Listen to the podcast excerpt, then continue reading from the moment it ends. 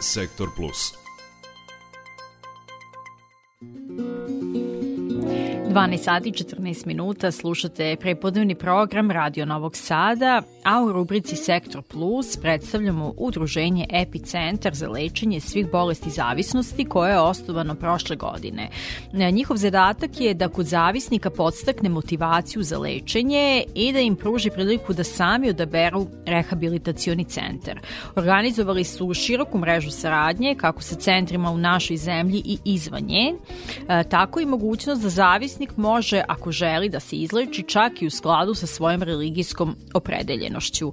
Ostvarili su i dobru saradnju sa Odeljenjem za lečenje bolesti zavisnosti u Kliničkom centru Vojvodine, a osim što pomažu zavisnicima, njihova podrška usmerena je i na njihove roditelje.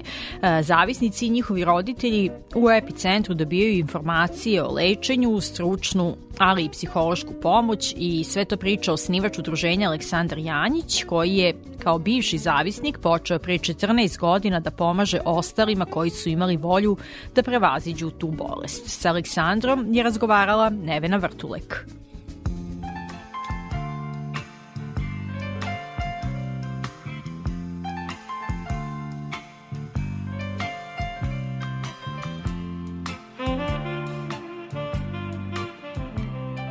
Epicentar je relativno nova organizacija koja pomaže osobama koje koriste psihoaktivne substance da pokušaju da se oslobode. U tu grupu ljudi su ušli oni koji ne koriste psihoaktivne substance, nego su oboleli od nekog mehanizma društvenog, mislim, misli se na kocku. Pre bi to proširio na bolesti zavisnosti. Ali da, Epicentar jeste e, nova organizacija koja je nastala iz potrebe ja sam čovek koji se bavim bolestima zavisnosti eto već 15 godina pri drugoj organizaciji i video sam neke potrebe koje su se u poslednje vreme pojavile. Epicentar jeste udruženje građana i e, mi pokušavamo da pomognemo ljudima da otkriju koji je najmanje bolan i najbezbedniji način kako pomoći samom sebi ili nekome koji u vašem okruženju oboleo od bolesti zavisnosti. Zašto se pojavila ta potreba? Pa nekako čovek kada utvrdi da mu dete ili neko bližnji ima problem,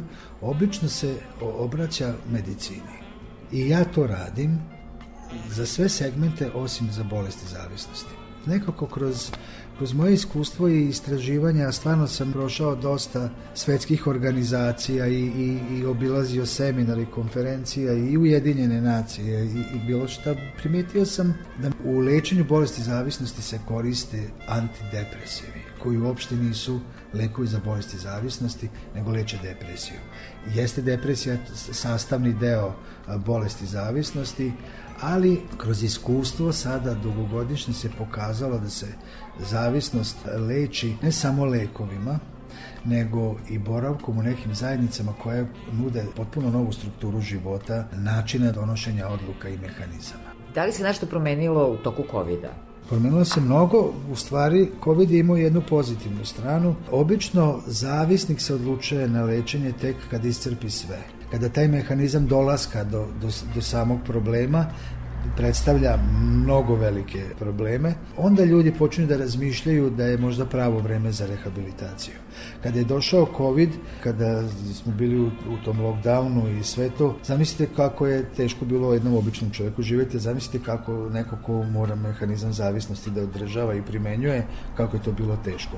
Tako da je COVID s jedne strane počerao puno ljudi na rehabilitaciju i mi smo od jedan puta se duplirali kao centar u raznim situacijama. Epicentar sada je u jednom momentu pomogao raznim ljudima preusmeravavši ih i nudiši im rešenje koje je najbolje za njih. Zadatak epicentra je da uputi i da, da ponudi ispravan način lečenja. Ljudi ne znaju kome da se obrate. Kome da se obrate? Šta je vaš savjet? Mi inače sarađujemo sa, sa medicinom u pravcu detoksa. E, sada se već zna da e, je to prvi stepenik detoksikacija svakog ko ima problem sa psihoaktivnim substancama, ali e, da samo lečenje nije detoksikacija samo nego učenje praktično e, novih mehanizama u životu za šta je potrebno vreme.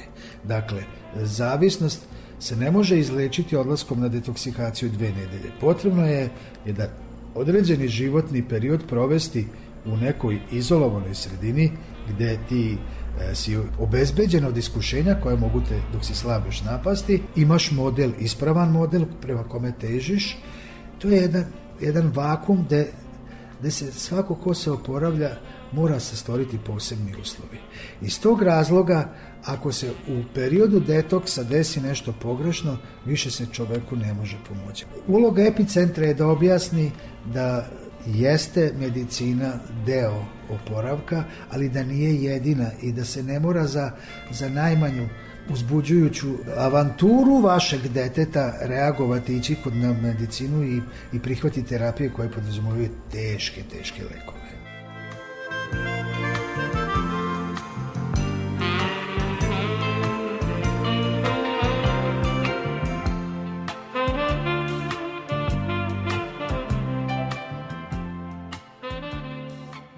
principovi radite? Ko zapravo usmerava ili ko zapravo radi sa ljudima da im objasni te zdrave stilove života? Epicentar ima saradnju sa puno ustanova koje pružaju boravak u svojim objektima, ali epicentar ima i saradnju sa medicinskim ustanovama. Dakle, mi kao epicentar imamo i prioritet, na primjer, ako je po nekome detoksikacija potrebna, sad se nažalost u Srbiji na, na sam taj proces E, mali su kapaciteti, čeka 3-4 meseca. Ali nekako i medicina sa nama sarađuje da ko se odluči nastavak lečenja e, posle samog detoksa ima prioritet prilikom ulaska na detoks. E, govorimo u predivnoj saradnji sa kliničkim centrom Vojvodina, gde, gde mi ne radimo detoks, niti jedna druga organizacija ne radi detoks, nego naše je pravilo da, da bilo koga negde pošaljemo mora proći kroz tu detoksijanu fazu u kliničkom centru. U kliničkom centru Vojvodine. Imamo nekoliko saradnika koji se tiče medicinskih stvari, što se tiče psiholoških stvari, ali što se tiče i zakonskih stvari. Na primer, Pomažemo roditeljima čije deca ne žele da idu na rehabilitaciju, a već prave tolike štete da čitava porodica trpi. Dakle, postoje i zakonski mehanizmi koji mogu da upute takve osobe na lečenje i mi smo to već nekoliko puta uradili. Takođe smo pomagali ljudima koji imaju još neku organsku bolest uz zavisnost. To je veoma specifična grupa ljudi gde se u principu naš rad zasniva na motivaciji da se lekovi koji donose ravnotežu uzimaju redovno. Pomažete pomoću detoksikacije u kliničkom centru Vojvodina, a zatim imate psihoterapiju, pomažete roditeljima, da li već ima neki slučaj koji je došao do kraja ili je bar tu negde pri kraju da ste... Da nema, nema takvih slučajeva, ali ono što najviše možemo uraditi je motivisati nekoga na lečenje. Jer e, bez motivacije ne postoji uspeh. Verujte mi da e, svako ko je od, otišao na neku promenu, neku rehabilitaciju na nagovor roditelja ili, ili ne znam bilo čega, niko nije uspeo. Dakle, tu se krije problem. E, ja volim da koristim onu frazu ko hoće nađe način, ko neće nađe izgovor i to je u ovom polju zaista tako iz iskustva ako se e, neko motiviše, dakle, ali ovde govorimo o motivaciji i roditelja i samog e, čovjeka koji je u problemu. Zašto? Pa zato što roditelji moraju izvršiti pritisak, sam zavisnik nema dovoljno veliku inicijativu. Roditelji se moraju isto uključiti i taj, taj problem na neki način inicijativom pomoći sin. E, Ili čerke. Ili čerke, da ima izlaza, nemojte verovati da su bolesti zavisnosti mogući samo faze abstinencijalne, dakle to nije istina i e, postoji rešenje. Rešenje jeste teško, ali e, a, problem je još teži. Dakle, e, postoji rešenje, bitno je doći do pravih informacija. Postoji različiti tipovi korisnika, tako da postoji različiti pristupi lečenju. Mi nudimo ovakav gde, gde pokušavamo da nekim izbegavanjem substitucionalnih terapija e, zato što naše mišljenje da substitucija treba da postoji samo u jednom određenom kratkom periodu dok se ne dođe do potpune ako mogu da kažem čistoće. Vi ste dokaz da taj problem može da se prevaziđe.